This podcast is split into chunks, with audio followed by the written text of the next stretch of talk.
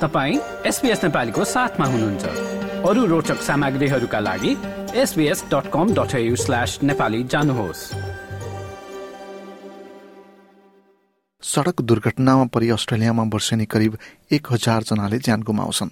सन् दुई हजार एक्काइसमा त झन् यो औसत भन्दा तीन प्रतिशतले बढेको पाइयो। तर नयाँ प्रविधिको सहयोगबाट सड़क दुर्घटनालाई कम गर्नका लागि नयाँ योजना र पहलको थालनी भएको छ। सन् दुई हजार बाह्रमा आफ्नी तेइस वर्षीय छोरी सड़क दुर्घटनामा गुमाएका पिटर फ्रेजर सड़क दुर्घटना कम गर्न नयाँ प्रविधिको प्रयोग हुनु निकै खुसीको कुरा भएको बताउँछन्। Anything that um, reduces those numbers is fantastic.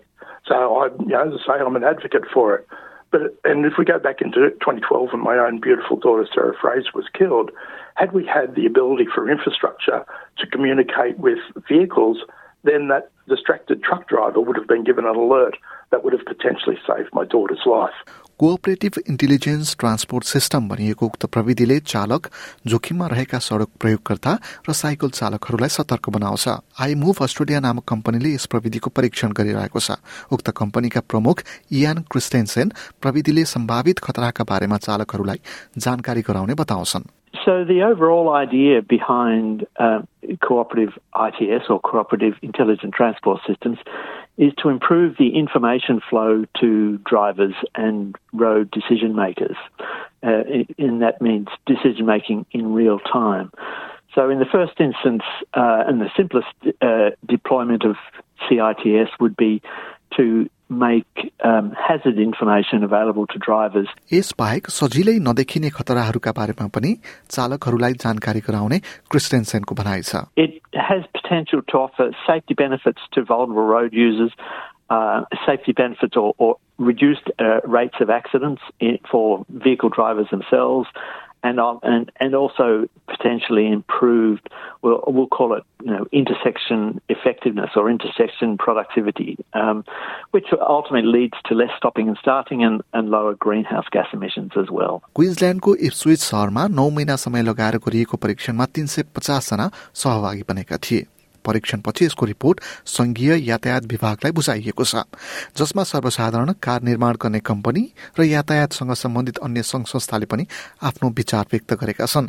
उक्त स्मार्ट प्रविधिले ट्राफिक लाइट र सवारी साधनका बीचमा सन्देश पठाउनेछ। यसबाहेक सम्भावित जोखिमका बारेमा क्लाउड मार्फत चालकलाई सचेत गराइने क्रिस्टेन्सन बताउँछन्। I was more aware of them when the alerts popped up. The most useful thing I found was knowing what the speed limit was in the area where you're driving Because with all the different speed limit changes around school areas and uh, just in urban areas, it's helpful to know what the limits are so it's easier to comply with it. उक्त परीक्षणमा सहभागी एक व्यक्तिले जोखिमका बारेमा आफू बढी सचेत बनेको बताए We could see whether the drivers responded to the alerts with a change of behaviour, particularly a, a, a, you know, a reduction in speed, and in in which situations were was the driver were the drivers sort of most responsive, and so overall we found that in up to 20% of cases, let's say the you know the drivers show, showed a clear and immediate um, reduction in speed, which we interpret then to to uh, reduce the risk of um, an accident. यता Queensland University of Technology अन्तर्गतको दुर्घटना अनुसन्धान र सुरक्षा सम्बन्धी विभागमा सहभागी अर्का एक व्यक्तिले रातो बत्ती बल्दा आउने अलर्टले आफूलाई कामबाट थाकेर आउँदा सचेत बनाएको बताए। इयन क्रिस्टेन्सेनका अनुसार सूचना सहितको अलर्टले चालकको प्रतिक्रिया पाउन सजिलो भएको छ। यद्यपि आफ्नै सन्तान गुमाएका फ्रेजर सामाजिक र व्यक्तिगत जिम्मेवारी एवं जागरूकतालाई प्रविधिले प्रतिस्थापन गर्न नहुनेमा भने जोड दिन्छन्। As I say, I'm an advocate for it. Um, it's not going to replace that decision making that individuals uh, will need to do. And indeed, I think that there would be an incredible backlash if people were saying that the vehicle is now going to make those decisions. People will still want to be in control. So, this whole concept of how we need to change behaviour needs to be part and parcel of this discussion of the intelligent transport systems. संघीय सरकारको यातायात र पूर्वाधार विभागले उक्त प्रविधिमा राष्ट्रिय दृष्टिकोण लागू गर्नका लागि मस्यौदाहरू तयार पारेको छ। क्विन्सल्याण्डको यातायात विभागको सेफर रोड इन्फ्रास्ट्रक्चरकी निर्देशक डाक्टर मिरान्डा ब्लग यसलाई राष्ट्रिय स्तरमा लैजानका लागि ठूलो समन्वय हुनुपर्नेमा जोड़ दिन्छन्। उनका अनुसार यस प्रविधिको सबैभन्दा किफायती र सुरक्षित मोडल कार्यान्वयनमा हुन दुईदेखि चार वर्षसम्म लाग्न सक्छ। Cross border pilots, there may be a chance to, to move us closer as government. But industry ultimately also needs to make some decisions about what product they want to enter into market in Australia, and that's very heavily dependent on one, agreeing on standards, and two, having the systems in place, like those security systems that they can use Um, and they have confidence that that's where Australian governments are going. यता क्रिस्टेन्सन भने सड़क सुरक्षाका विषयमा संघीय सरकारले नेतृत्वदायी भूमिका निर्वाह गर्नुपर्नेमा जोड़ दिन्छन् I would say the, the role of the, the Commonwealth government is to encourage uh, to build consensus amongst the jurisdictions and in, encourage the jurisdictions to, to all come on board with a, a, a nationally consistent approach to um, information, you know, hazard messaging to uh, drivers and vehicles. पिटर Fraser पनि सबै अस्ट्रेलियालीहरूलाई सड़कमा सुरक्षित रहन appeal गर्छन् We forget that we're actually in a vehicle, um, which is a vehicle which can kill and maim, and we've got to look after those on the road ahead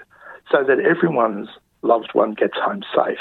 And that's the key. So we've got to turn that on its head from we're only protecting the driver to we're protecting those in the vehicle and everyone that that vehicle may come across. These are all vulnerable people, so we've got to actively look after them. उनी सबै अस्ट्रेलियालीहरूले पहिलो रिबनको कथाका बारेमा थाहा पाउन् भन्ने चाहन्छन् जसले मे महिनाभर सड़क सुरक्षाका बारेमा सचेतना फैलाउनेछ When Sarah was killed, I tied a yellow ribbon onto our car aerial because that was her favourite colour. Nothing to do with road safety.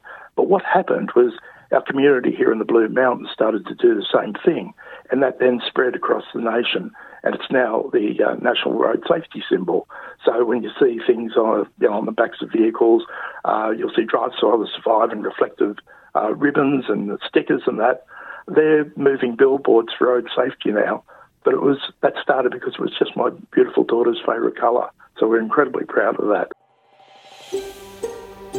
यो जस्तै अन्य प्रस्तुति सुन्न चाहनुहुन्छ एप्पल पोडकास्ट गुगल पोडकास्ट स्पोटिफाईमा हामीलाई खोज्नुहोस् वा तपाईँले पोडकास्ट सुन्ने अन्य सेवामा।